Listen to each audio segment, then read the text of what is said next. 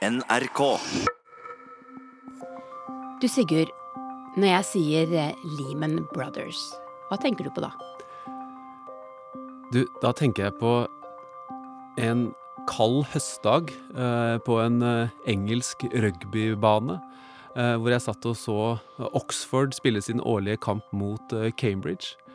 Eh, og så var det et eh, program der eh, for, eh, for dagen, og eh, nederst så sto det da 'sponset av Lehman Brothers'. Og rett bak meg så satt det to erkebritiske eh, karer. Eh, nesten som tatt ut av en eh, sånn stereotyp fortelling om England. Og så leste dette programmet, og så sa de Lehman Brothers? Who are those? The local butcher? Panikk på verdens børser kan være alvorligste finanskrise på 100 år, og får følger også her i landet. Oh, I'm exhausted, quite frankly, exhausted. I mean, I get out of here and go home and basically go to sleep, have dinner, go to sleep, wake up at three in the morning worrying about everything, you know, and then I can't go back to sleep. People are drinking beer and smoking inside. De drikker øl og røyker der inne, sa en mann som hadde kommet ut. For de hadde ikke lenger noe å tape, de som ikke lenger hadde jobb i en av verdens største investeringsbanker. Jeg sto på den andre siden av gata og så meglere komme ut bærende på pappesker fra kontorene sine. Det var 15. september 2008. Tidenes blåmandag i verdens finanshovedstad. Men var det denne dagen som egentlig ga oss politisk polarisering og Donald Trump? Krig og fred. En podkast fra NRK Urix. Sjeføkonom Knut Anton Mork, den tidligere sentralbanksjefen Alan Greenspan sammenligner dette med krakk i 1929. Blir følgene også så alvorlige? Eh, Vi fikk eh, en kraftig depresjon den gangen, og det ble gjort mange feil eh, under behandlinga av den situasjonen, bl.a. av hans forgjengere i sentralbanken Federal Reserve. Knut Anton Mork, hvordan minnes du 15.9.2008? Eh, Det var jo kulminasjonen på ganske mye spenning, og det virka ganske uvirkelig eh, at det faktisk kunne skje. Men eh, på den andre sida så følte jeg vel at endelig kom ting på overflaten. eh, At vi fikk se hvor dramatisk det egentlig var. Du var jo sjeføkonom i Handelsbanken Ja, på den stemmer. tida. Hvordan, hvordan føles det å sitte i en sånn jobb når på en måte systemet vakler? Skal vi si en dobbel følelse. På ene sida veldig skremmende. Eh, og jeg fikk se ting som jeg aldri trodde jeg skulle få oppleve. F.eks. at de som satt på eh, pengemarkedet eh, som meglere bare noen skritt unna meg, de satt passive hele dagen, for det var ingen som lånte inn eller ut penger i pengemarkedet. Det var helt rart. På den andre sida så var det jo på det faglige plan også veldig spennende å få faktisk se dramatikk utspille seg, sånn som vi hadde lest om og lært om at det hadde gjort en gang 80 år tidligere. Var du skremt? Ja, eh, selvfølgelig var jeg det. Så var det altså den doble følelsen at dette var veldig interessant. Eh, det var, jeg opplevde det litt lignende som kanskje en eh, lege opplever når han eller hun møter en eh, veldig sjelden sykdom og får behandle den, og får bruke alt det siste. Og jeg lærte jo fryktelig mye nytt i denne perioden. En ting var at vi kunne se på det som hadde skjedd 80 år tidligere, men eh, det var veldig mange ting som var nye, nyutvikla, ny finansiell teknologi som var kommet i mellomtida. Men vi kunne anvende ikke bare det som hadde skjedd 80 år tidligere på 30-tallet, men også mye av det som hadde skjedd i Japan eh, bare eh, ca. et tiår tidligere. Så vi var ikke helt uforberedt, men det var veldig mye nytt og veldig mye å lære. Når du ser tilbake, nå har det gått ti år eh, siden det begynte, hvem er det som har vunnet, og hvem er det som har tapt på dette? Når du spør om det, så tenker jeg på en artikkel som sto eh, i dag i New York Times eh, om noe av det som eh, er tapt mest. Det er tillit eh, til det som da noen kaller eliten. Det som andre kaller eh, eh, baronene på Wall Street. Eh, de som fortalte alle at alt eh, var vel.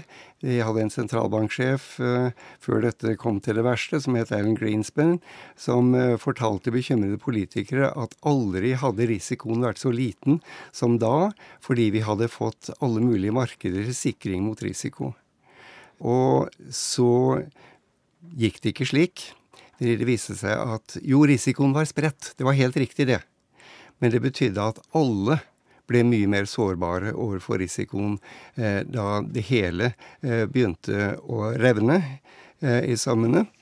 Og så har vi da fått politiske reaksjoner på både høyre og venstre fløy på venstre fløy med mistillit mot finanssystemet i det hele tatt. På høyre fløy, som vi kanskje ser mest av nå om dagen, eh, mot urbane eliter, mot de velutdannede, mot minoriteter, mot innvandrere.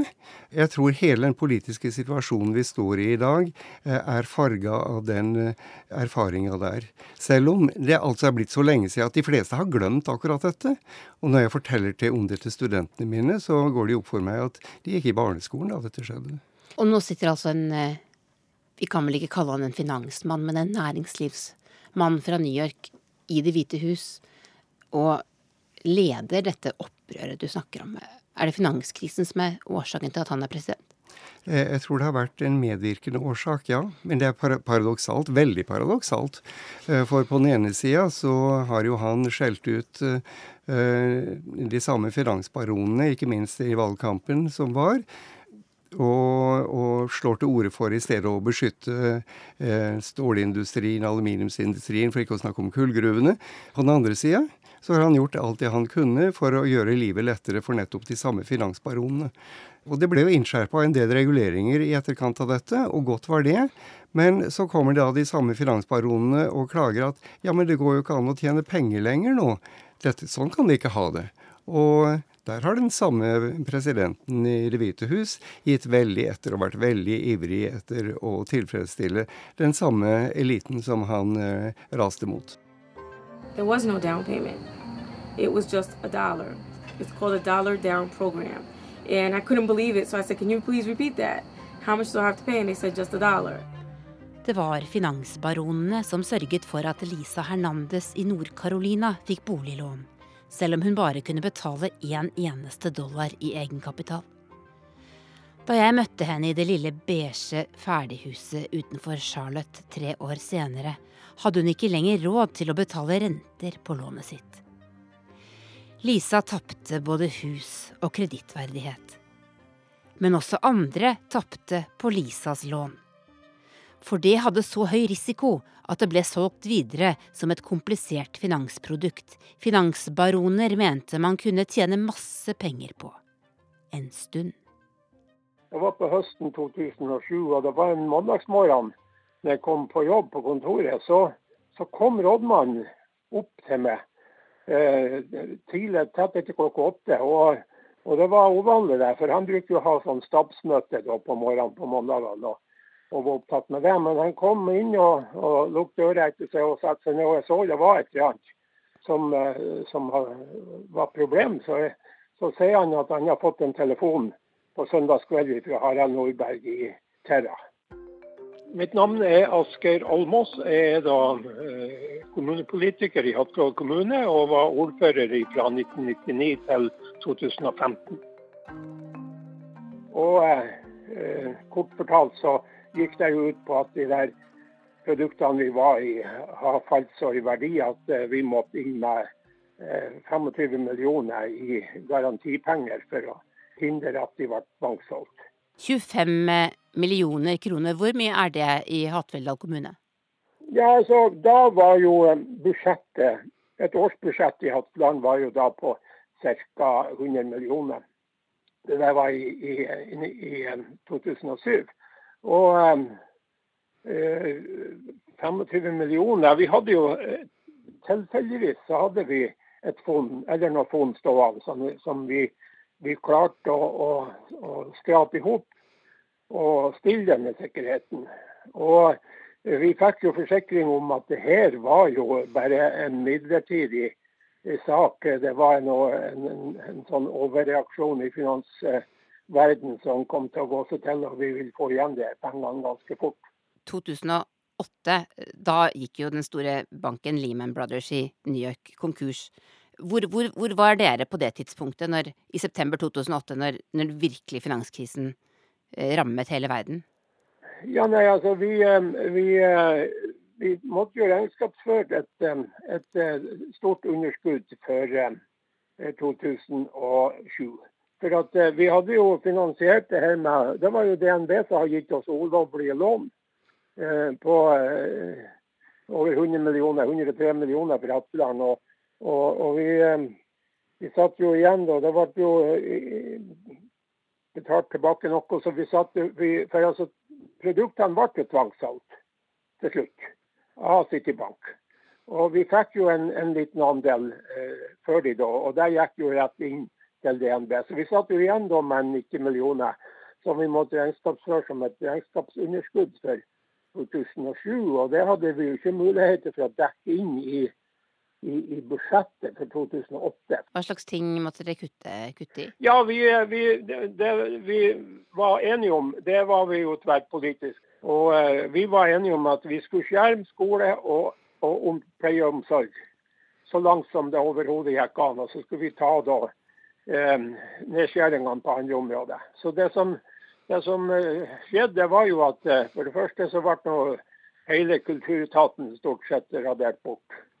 Eh, det var, var, Alle de stillingene ble nå gjerne, Og, og, og stillinger ellers i administrasjonen som ikke var besatt, ble satt vakant.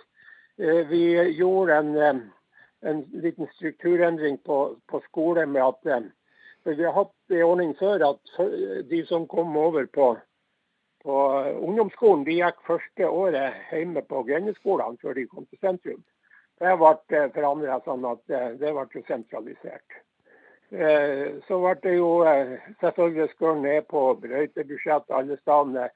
Alle gatelys ble slukt. Det var det ble helt tatt sette på lavbluss. som gikk an å sette på lavbluss. Men, men skole og omsorg, det klarte vi å, å, å skjerme sånn at det ikke skulle gå utover innbyggerne.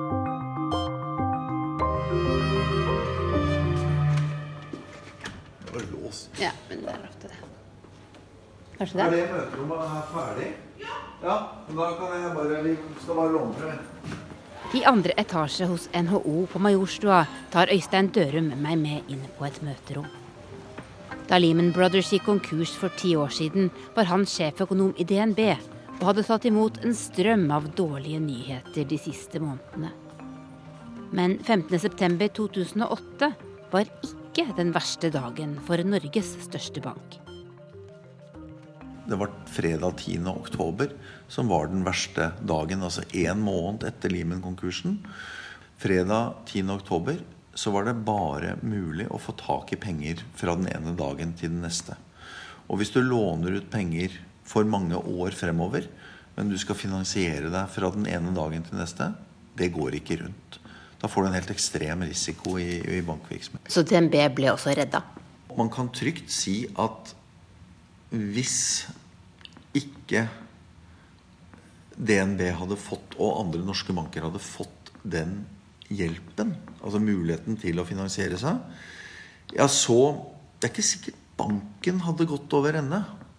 Men kundene deres hadde gått, gått over ende. Fordi da hadde, da hadde, bankene måttet skru til krana og si at nå, kan, nå, har vi ikke midler til å gi lån til, til kundene våre.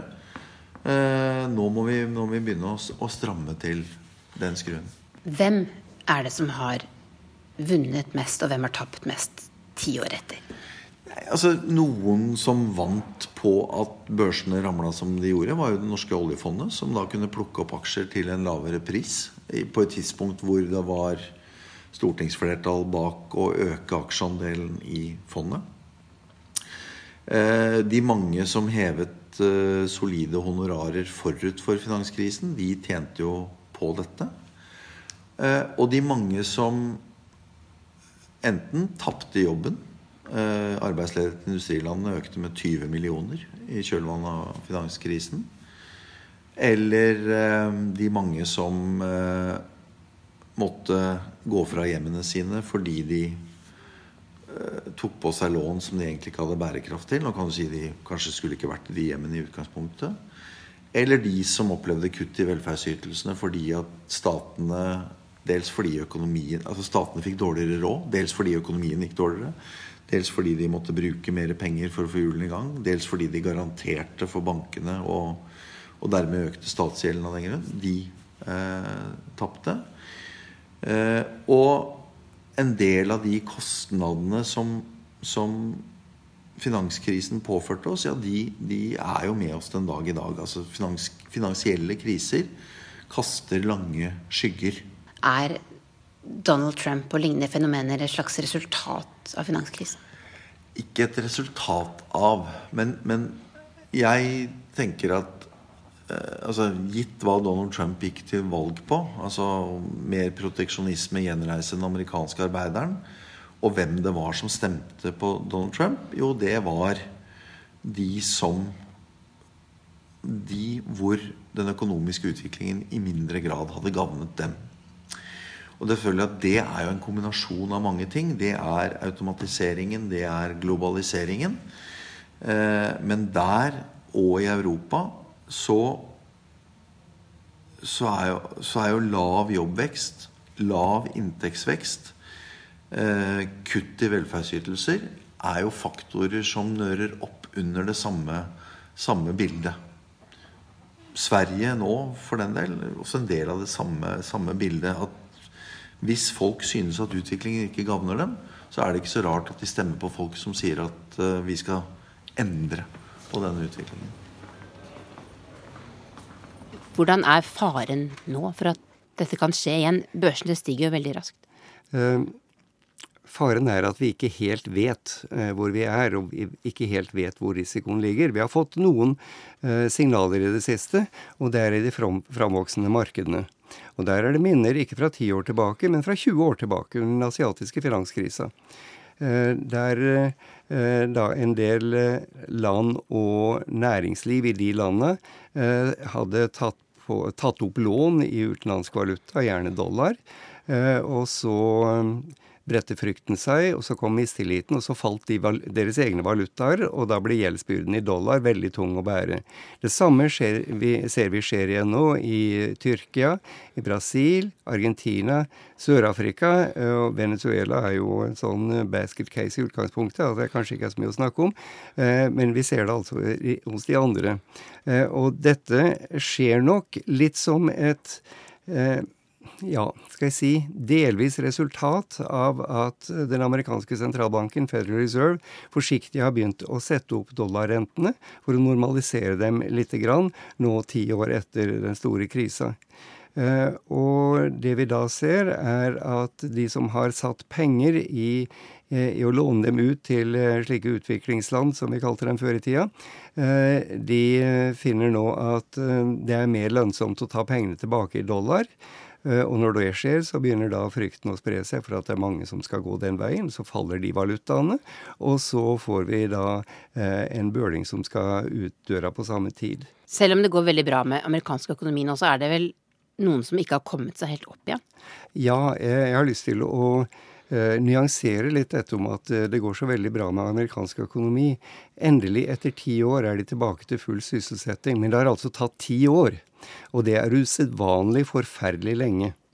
Eh, for det andre eh, er lønningene De har ikke kommet tilbake. Eh, kanskje aller siste måneden at de begynte å røre på seg, men det er altfor lite til å kunne snakke om så veldig mye. Og for det tredje er det veldig mange som går på kortsiktige kontrakter med usikre arbeidsplasser. Og som du sier, ulikhetene har økt, de har ikke minska. Eh, og dette har jo også da vært med på å, eh, å drive uviljen mot eh, innvandrere, som mange opplever at det er de som kommer og tar de gode jobbene fra dem. For ikke å snakke om konkurrentene i Kina eller i Mexico som, som underpriser dem. Så alt henger sammen med alt her? Eh, veldig mange ting påvirker hverandre, og det er veldig vanskelig å eh, si at det er årsaken til det. Eh, men eh, kanskje at virkningene er eh, dypere og breiere enn vi tror i første omgang. Hemnes kommune i Nordland er en av sju kommuner som nå unngår rettssak mot storbanken DNB. Kommunene pådro seg store tap etter at de investerte millioner av kroner i finansmarkedet etter råd fra meglerfirmaet Terra Securities på begynnelsen av 2000-tallet. Når du selv opplevde dette, at på en måte verden kom inn i stua på den måten, og så kom altså finanskrisen, hva, hva tenker du om hvordan verden henger sammen? Altså hvordan alt altså, Lille Hattfjelldal og, og, Wall Street, holdt jeg på sagt. Har du noen tanker om det? Om liksom hvordan alt henger sammen? Ja, det, det, det er mange tanker som eh, man gjør seg i så, så henseende. Og at en, en sånn liten kommune så perifert som Hattfjelldal med 1400 innbyggere blir rammet på et sånt her vis. Nå var jo det ekstraordinært, selvfølgelig, at vi sammen med sju andre kommuner kom i denne situasjonen. Men, eh, men allikevel så, så, eh, så, eh, er det klart at han gjør seg opp tanker om at, at, at finansverden, eller, eller, hele verden, er sammensatt sånn at at uh, man kan komme i en sånn situasjon. Det er betenkelig. Og, og, ikke minst i forhold til at vi har, vi har for dårlig, rett og slett for dårlig kontroll eh, med bankvesenet, finansinstitusjoner osv. Slik at, at, man kan i, forkant, i forkant kan, kan hindre at sånne ting skjer. Det var noen norske kommuner som kjøpte disse papirene. Forstår du at de gjorde det, eller var det litt uh, ubetenksomme? De var ubetenksomme. Det vil jeg si uten tvil. Det er ingenting som en gratis lunsj. Så hvis, hvis noen tilbyr deg noe som gir en høyere avkastning enn det du kan normalt påregne på sikre papirer, som var det, sikre verdipapirer, som var det de skulle plassere i, ja, så skal det ringe noen bjeller. Og de bjellene skal si hvorfor får vi mer betalt for å sette pengene våre her enn der. Og hvis det ikke kan forklares, og hvis du heller ikke skjønner produktet Og jeg nekter å tro at de skjønte produktet eller den risikoen som var involvert, så skal du la være å investere i det produktet. Det er en ting som jeg syns var spesielt uh, rett etter at denne saken oppsto. Så Da ble det jo en, eh, et fryktelig fokus eh, også nasjonalt. Og, og det ble jo eh, TV-program, og, og, de henta jo inn alle her som mener de har dobbelt med hjerne i forhold til andre folk. Det var jo både Trygve Hegnar og alle som, som satt på beste sendetid og, og prata om de der idiotiske ordførerne oppe i Nord-Norge som ikke forsto noen ting. Jeg har mange ganger tenkt på det etterpå nå når vi har vunnet alle disse rettssakene som vi har vært i den der Eid-saken den ble til og med anket til Høyesterett, og der ble den avvist. Og Der ble da lagmannsrettens dom an. Jeg skal nå lure på om de der som var så snar å, å fortelle Norge hvor toppen vi var, om de ikke skal tenke litt i ettertid at uh, kanskje var det litt snar på avdekkeren der.